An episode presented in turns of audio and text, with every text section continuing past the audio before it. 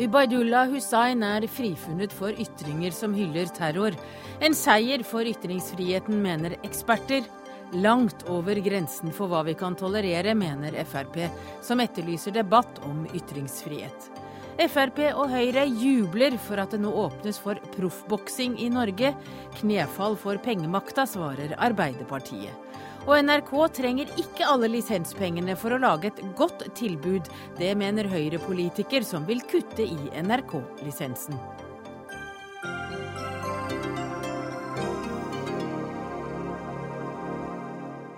Ja, dette får du høre mer om i NRK2 og på P2 den neste timen. Velkommen til Dagsnytt 18. Jeg heter Hege Holm. Først skal vi til frifinnelsen av Ubaidullah Hussain. Hva er egentlig straffbar oppfordring til vold og terror, og hva er ytringer som det norske samfunnet må tolerere? Det var kjernespørsmålet i rettssaken som i dag fikk sin foreløpige dom. Og Ubaydullah Hussain ble av Oslo tingrett altså frifunnet for å oppfordre til terror. Hussain han reagerte slik på dommen. Nei, altså Jeg kommer til å fortsette mine aktiviteter, som jeg sa i min frie forklaring også, at eh, jeg kommer til å fortsette å spre islam på min måte. Er du overrasket over å ha blitt frifunnet? Nei, for så vidt ikke. Jeg hadde fått mange signaler på forhånd at, eh, at det kommer til å gå denne veien. Og I tillegg så um, kjenner jeg til den norske loven, så jeg vet at uh, jeg har holdt meg innenfor ytringsfriheten. Bakteppet for rettssaken er altså at Hussein i fjor hyllet en rekke store terroraksjoner på Facebook. Men det var altså ikke nok til å dømme ham etter terrorparagrafen. Og Lars Gule, du forsker på ytterliggående islamisme. Er du overrasket over at Hussein i dag ble frifunnet? Nei, jeg vil ikke si overrasket. Og jeg tror vi har fått en solid dom som viser hvor sterkt ytringsfriheten står i eh, norsk rett. Eh, det er vanskelig å trekke opp grensene mot eh, ekstreme og ufyselige og krenkende ytringer av den typen som Badullah Hussein har levert. Men det er altså en del vi må tåle innenfor ytringsfrihetens rammer. Anine Kierulf, du er jurist og du er ekspert på ytringsfrihet, og du er eh, med oss her på telefon. Men er du overrasket over at Hussein i dag eh, ble frifunnet? Nei, ikke overrasket over det. Eh, denne bestemmelsen rammer jo oppfordring til gitt listet, opplistet antall handlinger. og Ingen av ytringene som Hussein har kommet med, er oppfordringer. De er hyllester. Eh, og Spørsmålet er jo da om de til sammen kan, eh, bør forstås som en oppfordring. Alle ytringer må tolkes for at man skal kunne fastlegge deres nærmere meningsinnhold. Eh, men det er jo krevende å innfortolke en oppfordring i det som er en, en rekke hyllester selv overfor en person i hans miljø, og med den konteksten. Eh, det er jo en, eh, noe som heter legalitetsprinsippet, som er at man skal kun dømmes etter det som faktisk står i loven. Og det er jo særlig viktig når den eh, rettigheten man her står i fare for å trå for nære, er ytringsfriheten, som jo er grunnlovsbeskyttet. Men, men, mange blir jo engstelige av slike utsagn, for de ligger jo veldig fjernt fra, fra det vi mener er det man skal ytre offentlig. Men det spiller ingen rolle? Jo, det spiller en stor rolle. Spørsmålet er om lovverket er det vi skal bruke til å komme sånne ytringer til livs. Og det eh, er det ikke. Vi har eh, en rekke hjemler som kan ramme mange typer ytringer som vi ikke eh, vil ha i vårt samfunn. Trusler, oppfordringer til vold, oppfordringer til ulovlige handlinger. Men det at folk kan bli inspirert av andre menneskers meningsytringer, det kan vi ikke kriminalisere. Og jeg registrerer at det nå eh, blir en debatt om, om nye lovbestemmelser bør eh, tre i kraft. og det eh, vil jeg advare mot. Jeg vil oppfordre politikerne til å se på de forsøk som er gjort på å forby meningsytringer av, av denne typen opp gjennom historien. Se til McCarthy-perioden i USA, spionasjebestemmelsen rundt første verdenskrig, og se hvordan historiens dom over den type straffebestemmelser har vært. Ja, Vi skal ta denne debatten med politikerne om en liten stund, men Lars Gule, hva gjør det med ekstremistiske miljøer eh, når slike uttalelser som dette blir eh, hva man skal si, akseptert av domstolen? Ja, Det kan jo i verste fall føre til at eh, flere føler seg oppmuntret til å komme med lignende ekstreme ytringer, og det er nedsiden av en slik sak som dette. På den annen side, og dette er jo et empirisk spørsmål, så kan det jo tyde på at dette ekstreme miljøet eh, er vi si, De har utnyttet sitt potensial. Eh, at det ikke er så veldig mye mer å forvente av ekstreme ytringer. Det gjenstår å se. Vi, vi vil måtte se på dette framover. Men det er også viktig at gjennom denne frifinnelsen så ble ikke Baidullah Hussein en martyr i dette miljøet. Og dermed så eh, kan det svekke liksom hans status på, til en viss grad. Men eh, Anine Kierulf, det høres ut som dere er ganske enige om at eh, dette er dere ikke overrasket over, og at dere er i grunnen enige at dette er ikke noe som skal felles. Eh, men, men hvorfor tror du PST tok ut denne tiltalen da i det hele tatt? Nei, Det må nesten PST få svare på. Det var vel... Vi har forsøkt å få med PST. Ja, det var blitt mye skepsis til at, eh, denne, eh, at, disse ytringene kunne bli rammet av denne bestemmelsen. Men det er klart at alle dommer i ytringsfrihetssaker gir oss noen flere pekepinner om hvordan disse bestemmelsene er å forstå. Så Det er jo eh, nyttig for så vidt. Det som er, er jo sånn som Gule er inne på, er jo det kan jo være problematisk, selvfølgelig, for de færreste er jo interessert i denne jussen. ikke sant? De fleste eh, leser jo dette som en sånn slags aksept av at denne type ytringer er helt greit. Men det er det jo langt fra. Eh, men spørsmålet er om de skal være straffbare etter, eh, etter vår straffelov. Det, det, tror ikke jeg de skal være. Eh, men de er jo ingenlunde akseptable av den grunn. Men de må da iretteføres på andre måter, gjennom offentlig debatt og gjennom holdningsendringer og gjennom deltakelse i det offentlige ordskiftet så godt man kan. Og det er jo for så vidt et ansvar vi alle har som borgere, da. Tror du at vi har sett enden av denne saken? Nei, det tror jeg ikke. Og jeg, jeg, vil jo ønske hjertelig velkommen en debatt om ytringsfriheten og bruk av ytringsfriheten, også på politisk hold. Også hva gjelder spørsmålet om hvor dens grenser bør gå. For det mener jeg bare er av det gode. Men her må man holde tunga rett i munn og, og besinne seg for det at den allmenne rettsfølelse tilsier at disse ytringene er forferdelige og burde stoppe, det er ikke tilstrekkelig til å gripe inn i ytringsfriheten. Det er hele poenget med at vi har grunnlovsfestede rettigheter. Det er at det alminnelige flertalls mening ikke til enhver tid skal eh, kunne gripe inn i disse rettighetene. Men Lars Gulle, hvordan kan man stoppe slike ytringer? Det er eh, viktig med et bredt sett av virkemidler, som Kjerulf er inne på. Offentlig debatt, eh, ta til motmæle, eh, understreke betydningen av demokratiske og menneskerettslige verdier i eh, utdanningssystemet vårt. Og så i noen tilfeller markere en klar grense ved at vi bruker eh, rettsvesenet. Det har neppe vært den riktige eh, tilnærmingen i denne saken. Eh, jeg tror eh, Riksadvokaten bør ta et helhetlig grep for å få en mer overordna tilnærming til ekstreme ytringer på nett. For det er en del som må gjøres også juridisk på dette feltet. Takk til Lars Gule og Anine Kierulf.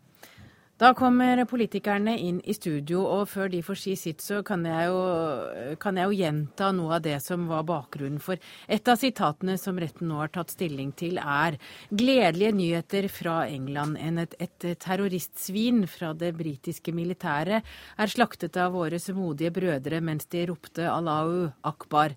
Måtte alle akseptere deres handling og intensjon, og ydmyke fiender av islam på verst mulig måte. Så kom det også en ytring eh, etter eh, terrorangrepet mot In Amenas i Algerie i januar. Måtte våre beste brødre få den fineste belønning etter In Amenas terrorangrepet i Algerie, sto det. Og Det er altså to av ytringene som Oslo tingrett eh, nå har frifunnet Ubaidullah for å ha fremført på Facebook. Og Mashar Keshvari, du er stortingsrepresentant for Frp. Du mener jo at man må gå inn i en diskusjon om lovverket holder mål når dette skjer, den frifinnelsen skjer. Hvorfor det? Jeg mener at eh, det er naturlig at vi får en debatt i etterkant av en eh, slik sak. For dette er jo avskyelige ytringer som er svært krenkende og kan skape frykt i samfunnet vårt. Men grunnen til at jeg ønsker debatt og ikke slår fast at det er veien å gå, det er fordi at de viktigste virkemidlene vi har i et samfunn for å bekjempe totalitære ideologier eh, og mennesker, det er jo å bruke vår ytringsmulighet og bekjempe dem eh, på den måten. Eh, dessuten eh, så deler jeg mange av betraktningene til ekspertene som eh, var før oss, nemlig at hvis vi skal gå til et så drastisk skritt og begrense ytringsfriheten, så må vi tenke oss godt om og ikke la oss rive med av følelser. Men hvis du tenker deg at du vil endre på lovverket, hva er det du vil endre? Nei, Da må det jo være det som går på hylles av terror. For det er jo det dette er. Det er jo det, dommen er jo veldig grundig i dag, og den går jo veldig detaljert i verks og forklarer hvorfor de ikke mener at eh, straffelovens paragraf 147 var den eh, riktige eh, tiltalen. Så, så, Det er derfor jeg mener at det er verdt å diskutere det og debattere det. Men jeg ser betenkeligheter med å gjøre det, og på en annen side så ser jeg også nødvendigheten av å ta den debatten. Abid Raja, du er stortingsrepresentant for Venstre. Du er jo også jurist, så du kan din lovsamling. Hva mener du? Det var jo opplagt at Ubaydullah i denne saken her skulle bli frifunnet. Eh, og det er også klart at det vil være ingen politikere i Norge som kommer til å støtte Ubaydullah eh, i det han har sagt. Eh, og at alle vil unisont være imot det han har sagt. Den debatten som, som vi ønsker velkommen, det er jo grensene for ytringsfrihet. Og de grensene har vi trukket opp mange ganger. Og den debatten er ikke endelig avgjort for alltid, men man må alltid kunne diskutere. Og Det kan godt tenkes at de grensene som vi har i loven i dag, er de riktige, og at vi ikke trenger å endre loven en millimeter. Det kan godt tenkes. Men det er, det er et sluttresultat av en debatt som må vise, og den debatten har nettopp startet. Jeg mener eh, Personlig så, så, mener jeg at eh, det norske samfunnet er fullt ut i stand til å takle de ytringene som Ubaydullah kommer med. Vi klarer å ta til motmæle, og vi klarer å stå i den stormen. Men det å ha ytringsfrihet, det koster. Og Da må vi på den andre siden vite at når Ubaydullah i frimodig vis kan hylle terrorhandlinger verden over, så sjarmerer det også en viss del av uh, muslimsk ung befolkning. Det sjarmerer dem til å bli en del av den bevegelsen Ubaydullah ønsker. Det er den prisen vi betaler som storsamfunn ved å ha full ytringsfrihet. Og Da må man sette inn mekanismer for å forebygge, slik at unge muslimer som er på jakt etter sin egen identitet, som lar seg bli sjarmert av den retorikken, ikke blir fanget opp av ekstremistene. Når vi ikke ønsker å regulere alle ytringer i lovverket, så er det en pris vi må betale, og det er at ekstremistene vil kunne preke sin retorikk og sjarmere unge til å være del av deres ekstremisme. Det var et langt resonnement, Abid Raja. Bård Vegar Solhjell, du er stortingsrepresentant for SV. Hvorfor mener du at Ubaidullah skal ha lov til å komme med de ytringene han her er frifunnet for? Er... Å hylle terror? Mm. Det er jo ganske grufulle ytringer du leste opp her, eh, som viser hvordan, hvilken trussel ekstremismen har blitt. Eh, men sjøl avskyelige ytringer eh, vil jeg eh, forsvare at skal kunne eksistere i det offentlige rom, istedenfor at vi tyr til å begrense ytringsfriheten hver gang vi hører dem. Og det er to grunner. Det ene er at jeg tror ikke vi blir tryggere av å begrense ekstreme ytringer eh, av den typen her. Fordi meningene og holdningene bak vil finnes der likevel. De må bekjempes. Handlingene som noen faktisk begår, de må bekjempes med, av politiet og hindres og, og straffeforfølges dersom det skjer likevel. Jeg tror tvert imot heller at det like gjerne kan være at det gir en, et ekstra trykk på at man er ekstra undertrykt. At noen miljøer faktisk kan, kan det virke mot sin hensikt. Og den andre grunnen det er som begge de to her har vært inne på. Jeg er veldig skeptisk til at hver gang det er et uttrykk vi ikke liker, et vi til og med avskyr, så skal vi ty til å prøve å hindre at det kommer fram. Men du hilser heller ikke noen diskusjon om lovverket velkommen? Det er veldig vanskelig å være mot diskusjon. Eh, nå har vi jo diskusjon, da, siden vi er i Dagsnytt 18.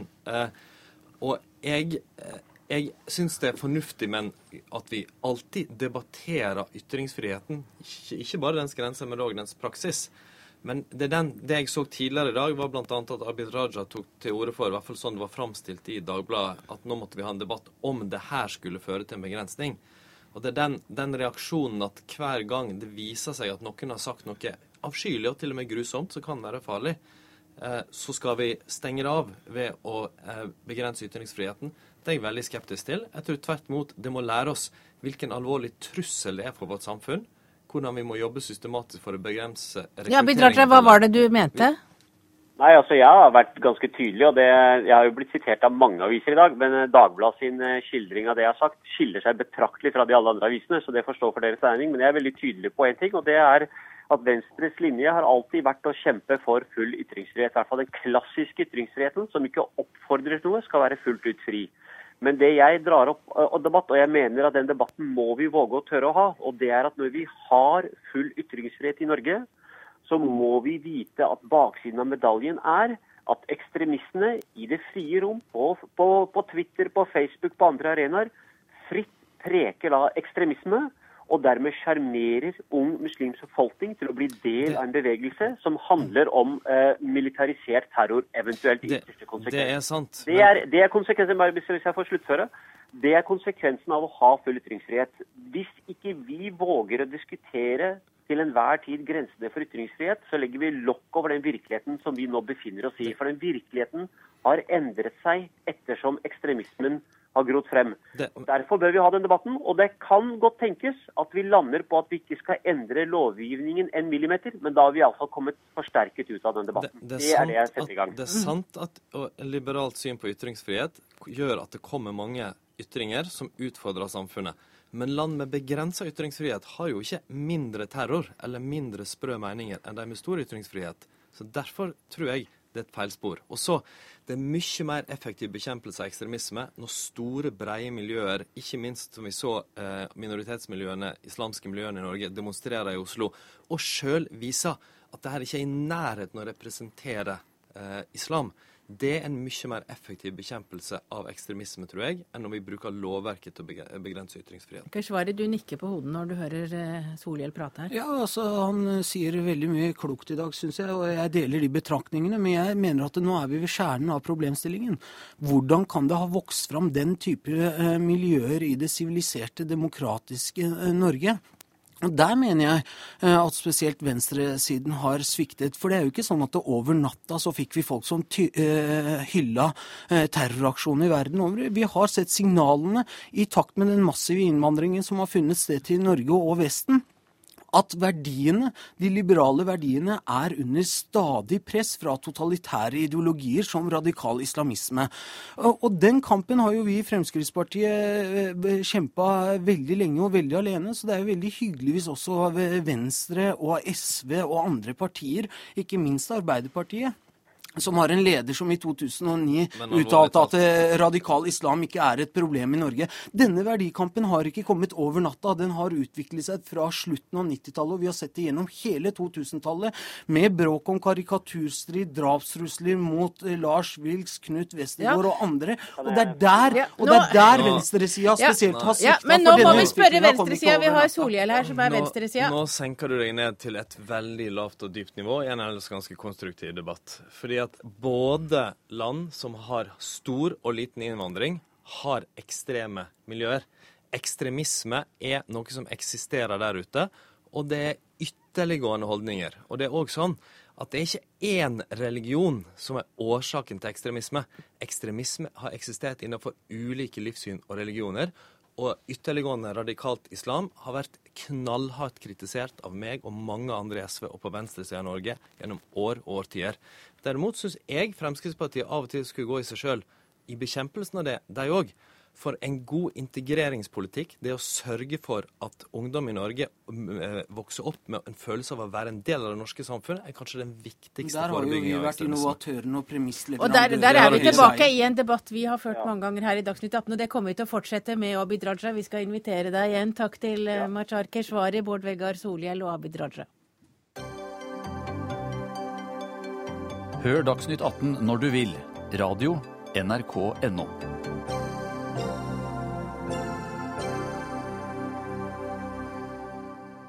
I dag kom det varslede forslaget som tillater proffboksing i Norge. Tilhengerne jubler, og det samme gjør kjente norske boksere, men i Arbeiderpartiet sier de fortsatt et klart nei. Morten Stordalen, du er stortingsrepresentant for Frp. Jeg får spørre på sportsspråket, hva føler du nå? Jeg føler en enorm glede. Fremskrittspartiet har eh, kjempa for den saken her i 24 år, siden første gang man fremma forslag på Stortinget. Eh, og endelig har vi nå en regjering bestående av Høyre og Fremskrittspartiet som kommer med sak til Stortinget. Så nå får vi debatten. Og nå får vi også muligheten, forhåpentligvis, til at vi kan også tillate proffboksing på norsk jord. Når kan vi se Cecilia Brekkhus bokse i Norge? Nei, nå håper jeg at eh, Stortinget at de klarer å få ferdigbehandla det før jul, eh, eventuelt i januar. Så betyr det at på nyåret våren så kan man eh, få til se en proffkamp i Norge. Og det betyr at da trygger vi norske utøvere som i dag eh, opererer som proffboksere, som reiser utenlands. Eh, Vi får et eh, verdens strengeste reglement, for Europa har de strengeste. Og vi skjeler til det engelske reglementet. Nå skal vi høre hva de mener, for vi har med oss en. vi. Team Robin Liev, du er 21 år. Og du er et av våre proffboksingstalenter. Du, du er nå i Spania, i Torrevieja, og trener.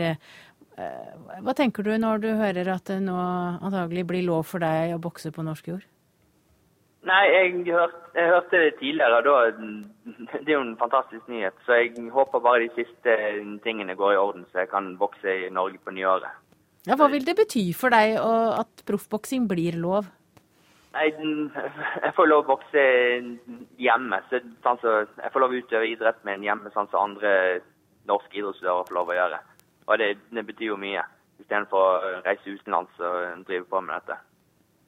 Ja, Du har både vunnet og tapt kamper på knockout. Eh, Er du ikke redd for å bli alvorlig skadet, da? Nei, egentlig ikke. Jeg, jeg tenker at alle som driver med toppidrett, det er, en, det er en viss eh, risiko med toppidrett uansett. Og jeg ser ikke at boksing er noe farligere enn eh, andre toppidretter. Men Arild Grande i Arbeiderpartiet, det er derfor dere ikke er særlig for proffboksing, fordi dere mener det er farlig? Arild Grande? Ja, hører du meg fra Sørlandet? Der er du. Ja. Ja. Ja, når vi blir utfordra på eh, dette gjennom eh, ekspertisen på eh, helsefeltet, så sier jo de helt entydig, både fra Den norske legeforening, fra Helsedirektoratet, fra Norsk forening for idrettsmedisin, at eh, konsekvensene av boksing uten beskyttelse på hodet eh, kan være svært alvorlig. Det dreier seg om en sport som har som formål eh, å slå motstanderen i bakken. Eh, Og det er klart at eh, skadevirkningene av det må vi ta på største alvor når vi skal vurdere regelverket. Vi kan ikke bare skjene til den ene sida uten å ta hensyn til at dette har stor betydning i forhold til folkehelsen, i forhold til hvordan eh, idrett vi ønsker at våre barn skal se. eh, Og hvordan Ja, Arild Grande, kan kan du ikke gjenta for folk som ikke er så inne i boksesporten? Hva er det som skiller eh, proffboksing fra amatørboksing? Ja, Det ene er jo at det er en uorganisert eh, idrett som ikke eh, går inn under eh, den norske idrettsparaplyen. fordi at når Rosenborg, som jeg heier på, spiller, så spiller man mot andre lag på samme nivå. Mens en bokser kan selv velge sine motstandere. og Det er klart at det gjør noe med hele sporten. Det andre er at det er en sport som er, har vært veldig utfordra av mye gambling, mye doping, mye unfair play. Og Derfor har jo idretten vært så skeptisk til å ta inn proffboksing under sin hatt. Og Derfor er spørsmålet mitt, når nå først Høyre gjør, eh, og Frp gjør dette, eh, hvorfor er det så viktig for dem å fjerne bestemmelsen om hjelm i knockoutloven? For det er jo nettopp det som kan beskytte utøverne, hvis det er utøvernes sikkerhet man er opptatt av. Ja, det hører en lang innledning med Arild der nå. Eh, For det første så er det doping. Det er jo på en måte nå kriteriene fra regjeringen i dag. Antidoping. Det er viktig, også i den idretten, og det hilser boksesporten også velkommen. Eh, Og så tar vel Grande litt feil, da. Eh, Så jeg anbefaler han å reise og se på en kamp, ja, hvordan det foregår, og kanskje lese reglementene vi snakker om, som er allment kjent. Eh, Når han sier at det er et formål å slå ned motstanderen i bakken, så er det på en måte sånn man ser på film. Det er ikke noe Ja, men det er jo, formål. Og De fleste av oss har jo bare sett det på film. Ja, og de fleste eh, måte, kampene blir avgjort på teknisk knockout, som det heter. Det er poeng. Så det er ikke å bli slått i bakken. Det er ikke det det handler om. Eh, dessuten så er det sånn at eh, i denne sporten så handler det om at det, det er altså ca. 204 land som er IOC. Og det er altså alle land, bortsett fra Norge, Iran og Nord-Korea, som har det forbudet. Eh, og det med hjelm det handler om alle amatørbokserne. Det er ca. 4500 så vidt jeg veit, eh, som er amatørboksere i Norge. Og det handler om de eh, internasjonale reglene som også må gjelde i Norge, som gjelder at de også kan utøve sin sport i Norge. Det er derfor man ikke kunne ha norgesmesterskap i Norge. Eh, og hele den eh, altså bokserforeningen i Norge, bokserne, så er i ferd med å miste mulighet til å utøve sin idrett. Og det er jo litt underlig at eh, Grande og Arbeiderpartiet syns eh, Iran og Nord-Korea har fasiten, mens alle andre land i verden tillater det. Ja, Det må du svare på, Eh, og- Grande. og så er det sånn ja, at- Du må la Grande få svare. Men det som er poenget her, er jo at det dreier seg om en sport som har bl.a. slag mot hodet som formål. Og eh, i alle andre idretter hvor det kan være en risiko, så har man jo beskyttelsesutstyr. Ingen må komme og fortelle meg at hockeyspillerne er noe pingler. De er tøffe gutter, og formålet er å få eh, pucken i mål. Men likevel så vet de at det er en stor risiko knytta til sporten, og de har beskyttelse av både hode, tenner og eh, flere kroppsdeler. Mens innenfor boksing, hvorfor er det så viktig at man fjerner eh, påbudet om hjelm? Det kan ikke være noen annen årsak til det enn at man vil eksponere eh, idrettsutøveren, at det er store pengeinteresser i det her sporten. Skal vi høre med det er deg, derfor det er så beklagelig at Frp Ja. og Høyre gjør et knefall for det. Liev, kunne du tenke deg å bokse kamper med hjelm? Nei, jeg kunne egentlig ikke det. fordi at uh, En av grunnene til at uh, proffboksere ikke bokser med hjelm, det er jo fordi at de som bokser med hjelm Man går ikke an å se hvem som bokser, man ser bare det er en hjelm på hodet. Og da, Det går ikke an å bli kjent med utøveren på samme måte. da, fordi at Man ser jo ikke hvem som er der, eh, man ser ikke hvem som bokser. Ja, altså jeg, har jo snakket med flere boksere, og jeg var og så den København, da, nå Brekkhuskampen, og en rekke andre kamper, og snakket med flere som bokser, og også proffboksere eh, som da var der, eh, og norske. Og det de sier i forhold til hjelm, og der er det forskjellig forskning. Det betyr, altså, som med hjelm har en større skaderisiko enn uten hjelm. Bokserne oppfører seg også annerledes uten hjelm enn med hjelm. Det man sier altså Hjelm er en falsk trygghet. Og når man snakker om medisinere, eh, på en måte hva man mener i Norge, ja selvfølgelig, det er forbundet med risiko. Selvfølgelig er det det. Men det er noe rart, da. Eh, Med det strenge regelverket man har internasjonalt, og ser skadeomfanget i forhold til andre idretter. Selvfølgelig er boksing også forbundet med risiko, samtidig som en rekke andre idretter er. Men dette er en diskusjon som ikke er avgjort. Eh, Forslaget kommer, og det er eh, ennå ikke stemt over, så vi får se hvordan det går. Takk til eh, Team Robin Liev, proffbokser, og Morten Stordalen fra Frp. Og fra Kristiansand hadde vi med oss Arild Grande fra Arbeiderpartiet.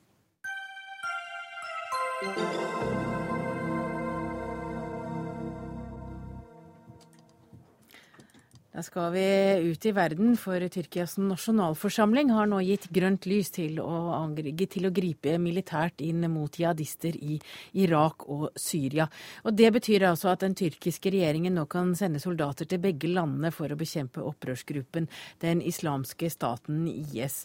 Og Cecilie Hellestveit, eh, du er seniorrådgiver ved International Law and Policy Institute, ILPI. Og nå må du forklare oss hvorfor, hvorfor blander Tyrkia seg nå inn i konflikten? Nei, dette har litt sammenheng med at Tyrkia har hatt eh, ganske mange diplomater som har vært fanget hos IS. Da IS tok Mosul i sommer, så tok de også hele den de tyrkiske diplomatene som var i Mosul til fange. De ble eh, sluppet fri i forrige uke, og frem til det så var det helt uaktuelt for Tyrkia på en måte å gå høyt ut på banen i forhold til deltakelse i den internasjonale koalisjonen som amerikanerne har fått sammen. Eh, det som er problemet her, er selvfølgelig at eh, Tyrkia er en stor militær nasjon med store kapasiteter til å operere på bakken. Eh, operasjonen mot IS lider kanskje først og fremst av mangel på bakkestyrker. Eh, Tyrkia er også et land som har vært involvert i utviklingen, særlig den syriske borgerkrigen de siste årene. Og alle forventer på en måte at Tyrkia skal ta en eller annen rolle i dette.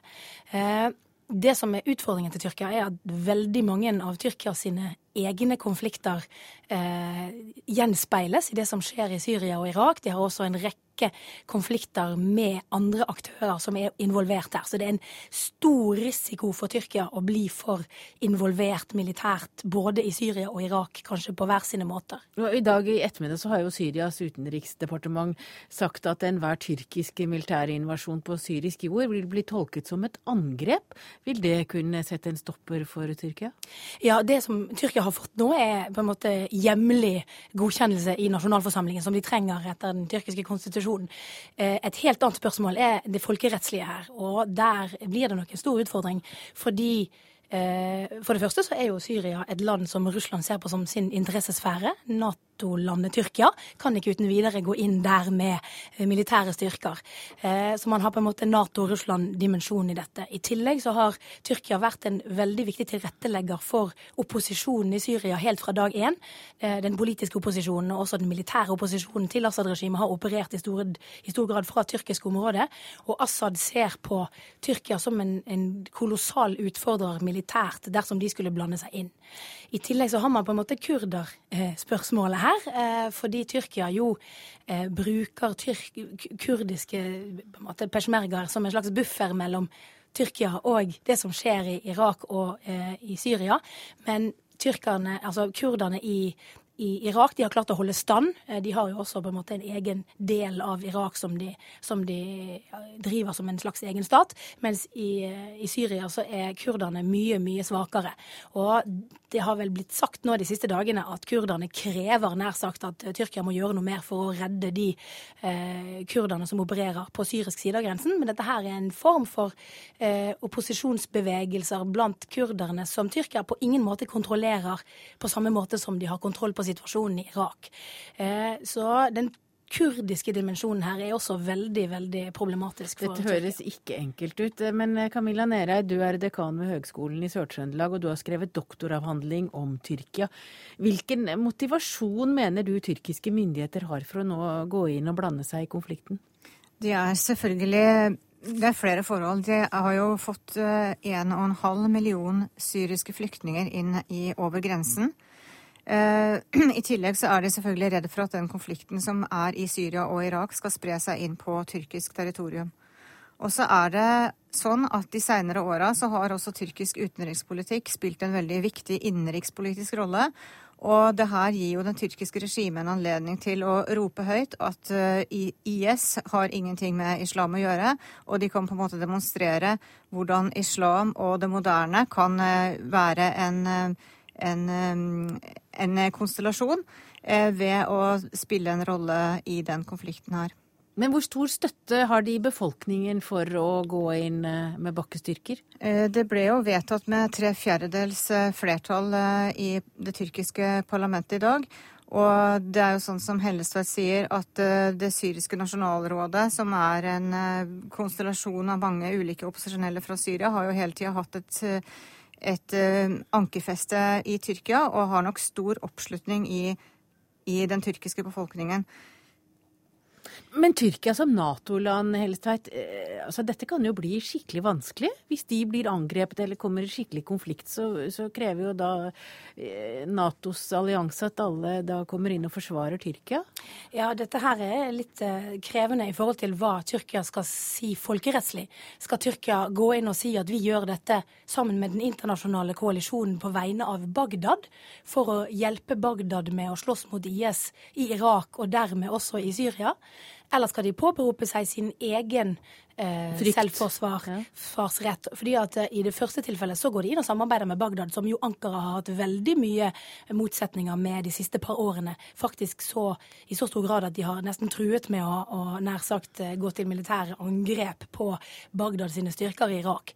Eh, men alternativet er jo å si at man påberoper sin egen selvforsvarsrett, eh, tyrkisk territorium. Men det er klart, da blir det spørsmål om Nato-paktens artikkel 5. Og da er vi i en helt annen situasjon i forhold til Syria, hvor selvfølgelig da Russland har eh, militære interesser og militært nærvær.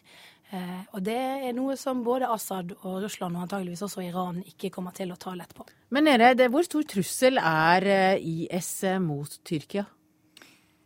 Det man eh, frykter, er jo at, eh, at eh, PKK nå skal få en innenrikspolitisk rolle, og at den skal vi si, tilnærmingen, dialogen, politiske dialogen som har vært mellom det tyrkiske regimet og den kurdiske befolkningen, nå skal ødelegges. Det er jo noe man har jobba for de siste åra, og nå har jo på en måte PKK fått en slags eh, frigjøringshærrolle i forhold til, til, Syria, og det ønsker selvfølgelig ikke Tyrkia at de skal ha.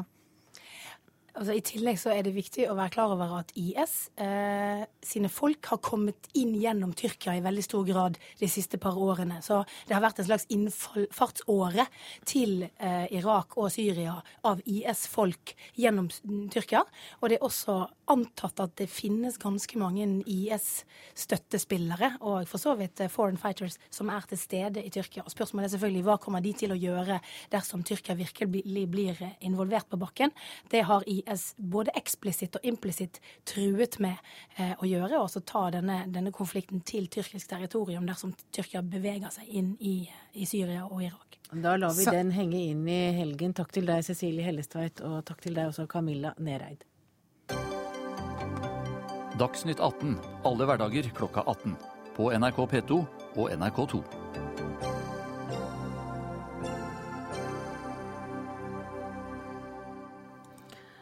Ja, om litt skal vi høre at fotballpresident Yngve Hallén varsler søksmål etter beskyldninger om korrupsjon i ny bok.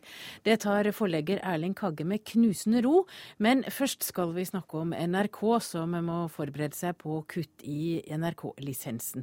Det mener i hvert fall Høyres mediepolitiske talsmann. Han sier til Dagens Næringsliv i dag at vi kan få et fullverdig NRK-tilbud for mindre penger enn de om lag 2800 kroner kronene du betaler i lisens i dag.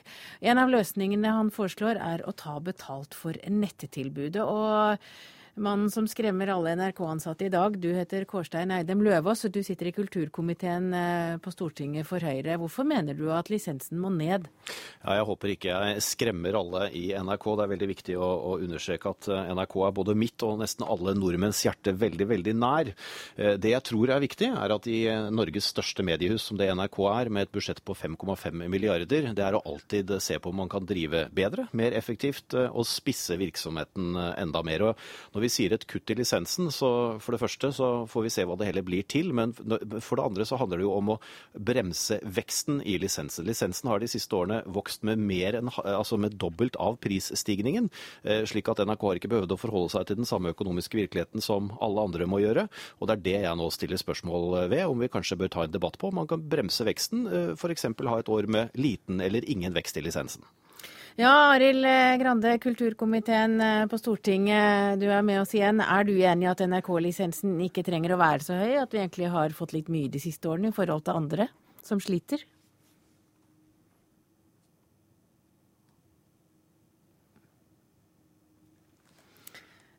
Der var det ganske stille, men vi har med oss eh, kringkastingssjef Tor Gjermund Eriksen.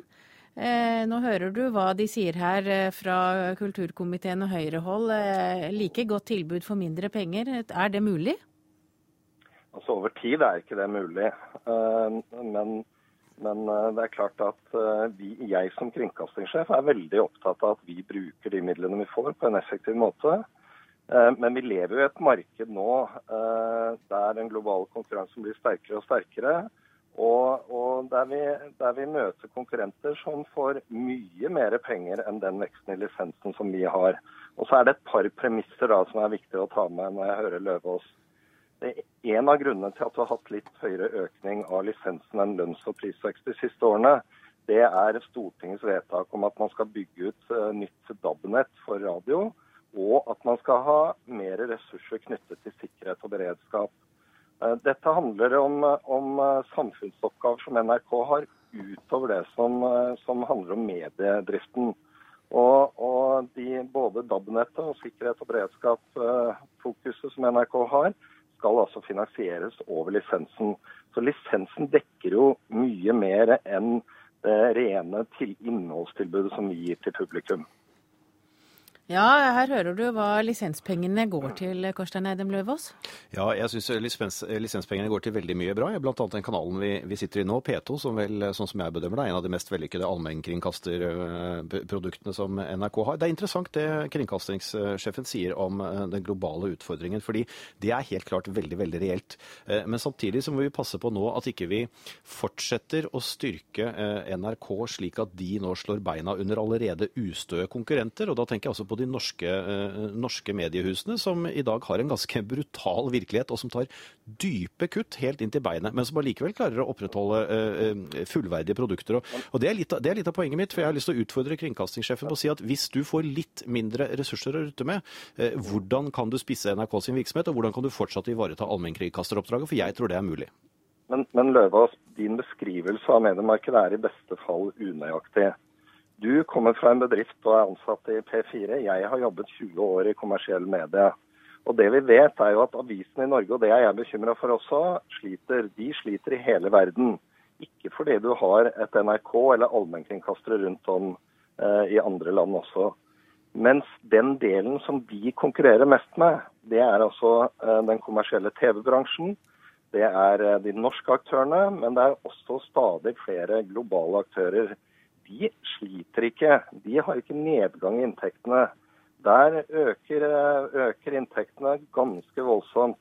Og det norske eh, reklamemarkedet på TV og radio har, har hatt nesten en kontinuerlig økning det siste, det siste tiåret. Sånn at det er ikke riktig at vi er i en konkurranse der de andre blir svakere og svakere, snarere tvert om.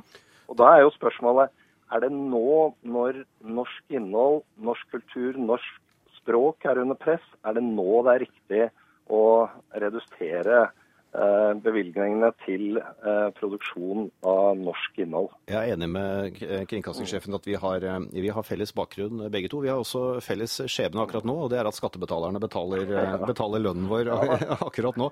Det er interessant det du sier om konkurransen, fordi jeg synes det viser en litt gammeldags tenkning. For det viser at man fortsatt tenker avis, og så tenker man TV, og så tenker man radio, og så tenker man internett som, som, som ulike aktører. Og, og, dette er jo mindre og mindre riktig, for dette, dette smelter jo sammen.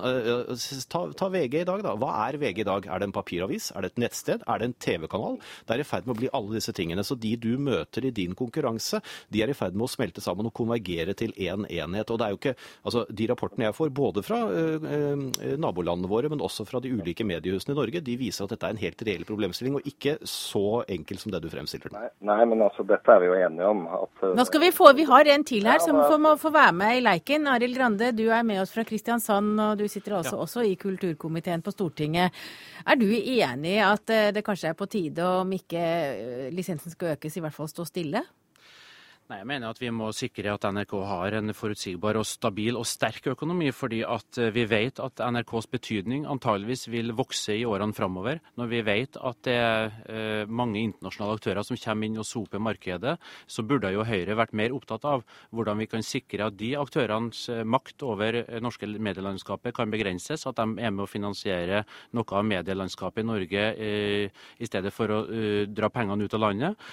Og vi vet at det er mange papiraviser aviser som i dag sliter. Hvis Høyre var opptatt av dem, så burde de jo få ut fingeren i forhold til momsspørsmålet og foreslå 0-0 moms for, for, for, avisbransjen. Sånn at eh, Høyre snakker jo litt eh, mot seg sjøl her. Jeg tror at eh, det de foreslår, vil føre til at det blir et dårligere tilbud. Eh, det vil føre til at folk egentlig ikke vil spare noen verdens ting, fordi at de må plutselig begynne å betale for NRK Nett. Og det vil også være et brudd med det Stortinget har sagt, fordi at Stortinget har pålagt NRK å være til stede på alle de flatene som folk er på.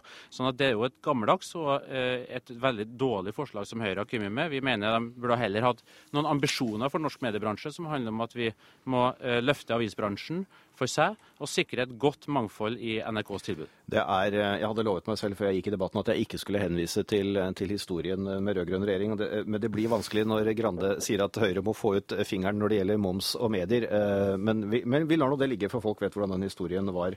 Eh, ja, altså Stortinget har jo to oppdrag. Stortinget definerer eh, og forteller oppdraget til NRK, altså NRK-plakaten. Den skal vi også diskutere nå i tiden fremover, når det snart kommer en ny stortingsmelding om NRK. Men vi har også det oppdraget at vi forvalter de pengene som du og jeg betaler. Altså vi bestemmer hvor stor andel av nordmenns penger som NRK skal få. Og det ville være uansvarlig når hele resten av mediebransjen eh, går igjennom en restrukturering og tar dype kutt, og ikke også utfordrer kringkastingssjef å si hvordan kan du drive litt mer effektivt, hvordan kan men, du levere et fullverdig produkt til litt mindre penger? Men det her Høyre blir svært uryddig. fordi at, ja, det er riktig, Stortinget har eh, noe de skulle ha sagt i denne saken. Blant annet så har vi definert eh, mye av innholdet i NRK gjennom NRK-plakaten. Og vi definerer også rammene for NRK gjennom finansiering. Og hadde jo eh, Høyre vært ryddig her, så hadde man jo først fremma en sak for Stortinget om hva skal NRK være i framtida, og så legger vi rammene og innholdet ut ifra det. Eh, det ville vært å stå åpent fram med de kuttene som Høyre foreslår, men i stedet for nå så skjærer de bare ned på lisensen og gjemmer seg bak styret og lar dem stå ansvarlig for de kuttene som Høyre påfører. Men Løvaas, hvorfor kommer du med dette nå? For nå skal det jo komme en stortingsmelding som skal diskutere NRK, og nå kommer jo forslaget til statsbudsjettet på onsdag. Hvorfor tenker du høyt i dag? Jo, fordi altså, Budsjettet kommer jo hvert eneste år, og det å plutselig skulle ett år ikke ta en diskusjon om økningene av NRK-lisensen, ville jo være veldig veldig rart. Og, og det, Men varsler du nå at det, er, at det er foreslått kutt i lisensen på statsbudsjettet som kommer på onsdag? Det hadde jeg verken, altså For det første har jeg ikke kunnskap om det. Hadde jeg hatt det, så kunne jeg heller ikke ha varslet det. Men det jeg sier at jeg ønsker at vi tar den debatten. Og det er jo ikke når Grande sier at det er uryddig eller at vi gjemmer oss bak. altså Hvor, mer, hvor mye mer åpen kan jeg bli da? Jeg sitter her og forteller at dette er noe jeg ønsker at vi skal diskutere. Jeg tror at vi trenger å ta denne diskusjonen. Jo, og Det er vel ikke første gang vi har tatt den her i studio. Det blir sikkert ikke siste, men takk til Korstein Eidem Løvaas, Jo Tor Gjermund Eriksen og Arild Grande.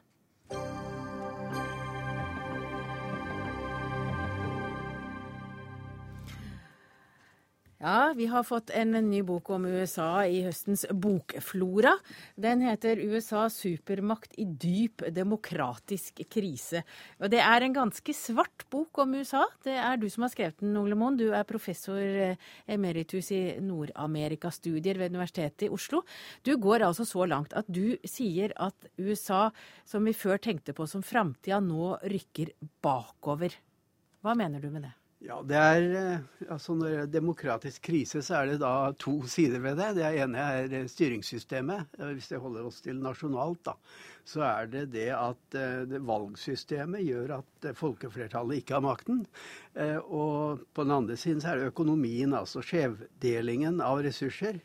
Hvor da den øverste ti prosentene av, av de som tjener penger, eh, har over halvparten av inntekten. Og de øverste 20% har 89 eh, av formuene. Så vi er tilbake til forholdene i 1928 eh, etter de ganske tøyleløse spekulasjonene på 20-tallet. Eh, etter annen verdenskrig og fram til slutten av 70-tallet så var det en utjevning amerikansk eh, når det gjelder altså likskap i fordeling av ressursene. Eh, siden er det blitt en skjevdeling igjen, og vi er tilbake til square one. nær sagt. Men, men, hvorfor sier du at, det, at det ikke, altså maktfordelingssystemet fungerer ikke? Det er ikke folkeflertallet som som har makten? Det er fordi at man, man, har jo et system man var veldig fornøyd med. USA var jo første demokratiet i verden, og man var veldig fornøyd med det. Og det har vært noe av det, det eneste faste i amerikanske systemet, kan du si. Ellers er forandring tingene i Amerika. Eh, og man har ikke forandret noe. Og en av de tingene som er vanskelig her i USA, er enmannskretsene, som gjør at eh, det er vanskelig å få til en rettferdig fordeling av eh, representantene i Representantenes hus, da, eh, nederste kammeret i, i, Kongressen. Fordi at eh, republikanerne bor på landet og demokratene i byene, for å si det litt brutalt. Dermed har eh, de indre bysoner har man veldig høye flertall Eh, altså seiersflertall, kan du si, marginer, for demokratene. Eh, bortkastede stemmer i en, en, situasjon hvor du har bare én som blir valgt. Eh, og, og, dermed så Altså faktisk så har under Obama har demokratene hatt større eh, seire kan vi si totalt enn de hadde under Franklin Delano Roosevelt og Lyndon. Johnson. Men det er bare at det er, det er ikke kommet noen nye kretser til. Det er bare, Man har fordypet eh, seieren i, i, i, de samme kretsene. Og Du, og det, sier, det, du sier jo også i boka at, at, du skjønner nå er demokratene temmelig engstelige. For du står på Det hvite hus eh, mailinglista. Du får tiggebrev fra demokratene eh, non stop. ja, det er, det er sant. Og, og, det som er eh, problemet her, er altså at det er ikke bare det at, at, at, at det er en en, vi si, en fordeling av, eh, av velgerne som gjør det vanskelig, men det er også manipulering av valgkretsene. Eh, og der har republikanere vært veldig kyniske nå. Eh, de vant flertall i svært mange eh, delstatsforsamlinger i 2010, og det var bevisst. Dermed fikk de flertall i disse kommisjonene som trekker opp grensene for valgkretsene. Og i dag med datateknologi, med all mulig slags meningsmålinger, så vet man veldig godt hvor demokratene og republikanerne bor. Og derfor så er man bevisst i å trekke Det er ikke en vits i å vinne 80% Du vinner 53-55, og så skyver du resten over i annen, og så får du en seier der. Og så, hvis du ikke kan gjøre noe annet enn å gi noe til motparten, så dytter du flest mulig inn i, i den kretsen. Og det er det som er skjedd. Og faktisk, i 2012 så hadde på landsbasis demokratene 1,4 millioner stemmer flere enn republikanerne. Og de hadde likevel 33 seter mindre i Representantenes hus og tapte huset. Men det er ikke bare det. 7. Eh, april skrev Washington Post jo mindre folk vet om hvor Ukraina ligger, jo mer ønsker de en intervensjon. Ja. Og du skriver amerikanerne leser ikke aviser, de får ikke med seg seriøs nyhetsformidling. Og hvilke konsekvenser for det? Du forteller jo om urettferdighet, men jeg vil ikke tro at det er noe amerikanerne bryr seg om. De vet ikke engang om det, for de hører ikke, den, de altså, hører ikke på Dagsnytt 18. Det, det, er sant. Ja, Amerikanerne er ikke spesielt interessert i utenrikspolitikk og utenriksforhold, med mindre eh, amerikanske soldater er engasjert ute. Og det har de jo vært i lang tid nå, men selv der så er det mange amerikanere som under en meningsmåling så viste de at de klarte ikke å plassere Irak på kartet. Og der har, jo, har de jo hatt interesse ganske lenge, da. Og når det gjelder eh, Ukraina, så, så, er det riktig som du sier, at det, det var jo min, det var gjennomsnittlig når vi skulle plassere på kartet i en meningsmåling, plassere Ukraina, så bommet de ganske kapitalt. Gjennomsnittlig var det 300 km bom. Uh, og noen plasserte på Grønland, noen plasserte i Australia, noen plasserte på Sørpolen. Uh, og, og, men, men, poenget er at jo mindre nøyaktig man var, jo mindre peiling man hadde, jo mer interessert var man i intervensjon. Og, og, da var det basert på Det hadde ikke å si hvor det var, og hva historien var, og hva forholdene var, men det var prinsippet Amerika skal gå inn og være en ryddegutt. Men selv om du beskriver, du beskriver det så mørkt at jeg tenker ja men, ja, men at du orker å sitte og studere dette her, Ole Moen. Ja ja, du er jo blitt pensjonist, da. Men, men så avslutter du med å si ja men du tror at amerikanerne er så jordnære, og de har vist det mange gang på gang i historien, at de klarer å snu. Og de klarer å snu det som ser mørkt ut, til oppgang. Hva er det som kan snu dem? Du vet, De er eh, optimister. De er en optimistisk nasjon, og de tar alle et nei for et nei. Og, og de har klart å snu eh, og komme på rett kjøl tidligere. Men jeg sier også at eh, denne gangen ser det veldig vanskelig ut, fordi at systemet, når det gjelder f.eks. det politiske system, så har det satt seg sånn at det er veldig vanskelig å få gjort noe med det. Og når det gjelder mediebildet, så er det blitt en kløyving der. At nå er det Før, på 70-tallet f.eks., så satt folk og så på flere kanaler og switcha switcha imellom. Nå har de, de konservative ser på Fox News, og, og, og, de liberale ser på MSNBC og CBS og, og, CNN og kanskje PBS. Så det er mer sånn at du krysser fingrene over på et under, nærmest? Ja, slik det ser ut nå. For det som du nevnte, at eh, det er færre. altså Wall Street Journal, som er den største avisen i landet, har bare 2,1 eh, million abonnenter. Og det er ikke så imponerende i en nasjon med 320, 000, 320 millioner eh, innbyggere. Men du har skrevet bok, og det er sikkert ikke den siste du skriver om Amerika? Nei, jeg Vil jeg tro, eller om USA. Takk til deg, Ole Moen, forfatter og tidligere professor ved Nord-Amerikastudier ved Universitetet i Oslo.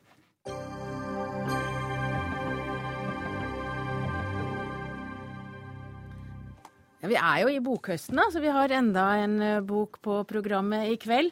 I boka 'Fotballagenten' beskylder tidligere fotballagent Knut Høybråten fotballpresident Yngve Hallén og ledelsen av Sogndal fotballklubb for korrupsjon. I boka hevder han at Sogndal fotballklubb under Yngve Halléns ledelse skal ha bedt om og mottatt et, nei, 10 000 euro under bordet da nåværende brannkeeper Pjotr Lesejevitsjkij kom til klubben fra polsk fotball i 2008. Og dette er påstander som Hallén avviser. Ja, det kan jeg garantere, for jeg har levd midt oppi det. Og vi har aldri gjort noe sånt i Sogndal, så jeg kan garantere det 100% for meg. Og jeg er rimelig 100% sikker også på at ingen andre i denne klubben har gjort noe sånt. Vi er altfor glad i den klubben. Men nå har altså Hallén også engasjert advokat. Det er deg, Jon Wessel Aas. Eh, hvordan ser du på det som i dag er kommet fram? Det er jo Nå har jeg holdt på med denne typen saker i mange år. Eh, som oftest med den alminnelige pressen. Eh, jeg må jo si jeg er ganske overrasket over hvordan man har gått frem her. Altså Her blir Hallén konfrontert først i går med disse beskyldningene av journalister som da har fått sånn forhåndseksemplar av boken, eh, og som ringer han og spør hva har du å si til disse beskyldningene. Og Det er det han har måttet forholde seg til i dag. Forlaget og forfatteren har ikke på noe tidspunkt tatt kontakt med ham eh, for å høre hva han har å si om de beskyldningene som fremsettes i boken, som er helt grunnleggende basal eh, researchmetode for noen som skal publisere den typen ting. Eh, og han har jo tilskrevet forlaget, men inntil videre så ser det ikke ut som de har tenkt å gjøre noe med det. Men nå har vi jo forlaget her. Erling Kagge, det er ditt forlag som gir ut boka 'Fotballagenten røverhistorier fra Fotball-Norge'. Hvorfor tok dere ikke kontakt med, med Hallén tidligere? Dette er en bok som handler om uh, veldig mye mer enn denne saken. Det handler om uh, kampfiksing og elleville andre episoder osv. osv. Uh, den Sogndal-historien er en liten del av boken, men det er en viktig del av boken. Men det står ikke i boken at Hallén er korrupt, eller at han har mottatt penger. Hadde det stått i boken, så hadde vi selvfølgelig tatt kontakt med Hallén. Men uh, advokaten til Hallén og Hallén og andre tolker uh, boken, eller ikke ordrett, men legger mer i boken enn det som står der. Og mener at Hallén er da direkte beskyldt for å ha tatt imot svarte penger. Det er ikke det som står i boken, men uh, i boken er referert en mail i, in extensio, hvor det klart kommer frem at det har vært svarte penger i omløp i Sogndal, eller miljøet rundt Sogndal da Hallén var i klubben. Og det er dette, ja. Vesselås, at du mener at Hallén eh, skulle fått vite på et tidligere tidspunkt? Vel, eh, nå har jeg også lest dette her, og for å si det sånn, alle de journalistene som leste det på forhånd, og som har skrevet om det i dag, har jo oppfattet dette akkurat som jeg har gjort. Det er ganske åpenbart påstander som formidles om at Hallén har betinget seg om å ta penger under bordet. Og jeg kan bare få lov å sitere ett avsnitt fra forfatteren selv i Bergens Tidende i dag, hvor han sier dette er forfatteren til Kagge. altså. Jeg tenker at Yngve Hallén må reagere slik han føler er best. Er det sant, er det fint om han legger kortene på bordet. Er det det ikke, er det fint om han sier det. Min påstand holder verken overfor politiet eller i en rettssal. Det er bare en påstand. Jeg forteller det jeg vet. Jeg vet ikke om dette er sant, fortsetter forfatteren. Og jeg må jo bare si at jeg beklager, men altså mer useriøst går det ikke an å bli. Og det er helt åpenbart eh, så fremmes det altså anklager Hallén personlig. Og enhver normal redaksjon hadde gjort det avisene har gjort i dag når de har fått tak i denne boken, nemlig å ringe til dem der, som er involvert, og spørre dem og få de oppklaringene. Det har de altså ikke i denne. Ja, nå har jeg, jeg, har stor, ja, jeg har en stor fordel fremfor advokaten her, og det er at jeg har lest hele boken. Og her står det bl.a.: Jeg vet ikke om dette er riktig, eller om Hallén noen gang har mottatt pengene. Så han til og med understreker at han ikke vet det, men han vet da at det er kommet en mail om svarte penger i Sogndal eh, fra en som burde vite hva som har foregått. Og Vi er veldig overrasket over at Hallén, eh, egentlig en sånn norsk sports moderne nå, historie eller kultur, engasjere advokat, at det er om å gjøre å kjempe og kjempe og kjempe. Jeg syns en president i Fotballforbundet burde gått i dybden i denne saken. Burde gå i dybden om kampfiksing og prøve å finne ut hva som egentlig skjer innen norsk fotball fremfor å bare engasjere en advokat som skal sitte og prate på sine vegne, som en gang ikke har lest boken. Jeg har nå lest alt det som siteres her, alle disse relevante passasjene. Og det er, det er ikke og har aldri vært sånn at eh, pressen eller andre kan formidle beskyldninger mot navngitte personer, og så fri seg fra ansvar ved å si ja, ja, vi vet ikke hva som er sant uten en gang å la den andre angrepene få komme til orde. Altså, dette er ganske banalt, men det er utrolig synd hvis det må ende i rettssalen. Og det har ingenting å gjøre med hvorvidt Hallén eller andre er opptatt av kulturen i fotball generelt. Dette dreier seg om en personlig beskyldning mot en mann eh, som har et omdømme han skal leve med, også internasjonalt. Og det er allerede gjort stor skade på den. Ja, Det er iallfall poenget at du, du, hele tiden fremhever at han er beskyldt for å være korrupt, eh, når det står i boken at det ikke er grunnlag for å beskylde ham for å være korrupt. Det er litt av en innsats av en advokat. Men Erling Kagge, du er jo også jurist. Du har finlest dette her, og du vet at en historie om Yngve Hallén som sitter på toppen av Fotballforbundet, det, det vil selge boka? Vi håper det. Mm. Og derfor så er det jo, altså, om det ikke sies rett ut, og han sier jeg kan ikke bevise, det har han jo sagt flere ganger i dag, men, men det antydes jo så sterkt at det er jo det som blir sittende igjen. Eh, ikke det med altså det, altså det, det At det skal ha skjedd. Hvis, hvis det blir sittende det med Hallén, så er det takket være det som blir sagt i programmet her og i media. Men han var jo leder i Sogndal Fotball da disse i, pengene skulle Ja, det vil ikke si at han har kontakt med svarte penger, men det som er essensielt her, er da at eh, en sentral kilde bekrefter skriftlig at det var svarte penger i forbindelse med den transaksjonen. Det syns vi i forlaget er viktig, syns veldig mange andre også har vesentlig betydning. og Derfor står det også i boken. Hva kommer dere til å gjøre videre, Jon Wisselås? Nei, så lenge forlaget står på sitt, og det blir interessant for lytterne å høre hva vi mener om som står der, hvis de ikke har lest det. Det får de vel lese, de som er interessert, og en del gjengis vel i avisene etter hvert. Uh, nei, så er det jo rett og slett sånn at uh, for å ivareta omdømmet sitt, hvis uh, Hallén lar dette gå, bli utgitt og stå uimotsagt, og forlaget ikke vil innrømme at de har gått for langt her, ja, da er han nødt til å gå til domstolene for å få slått det fast, sånn at han også kan bruke det overfor internasjonale forbindelser som kanskje ikke følger med på det som foregår i vår lille land. Og det er det siste vi rekker å si i den saken, for eh, sendinga er slutt. Andrea Kvamme Hagen hadde ansvaret, det tekniske ansvaret var det Karl Johan Rimstad som hadde. Jeg heter Hege Holm, vi høres igjen på mandag.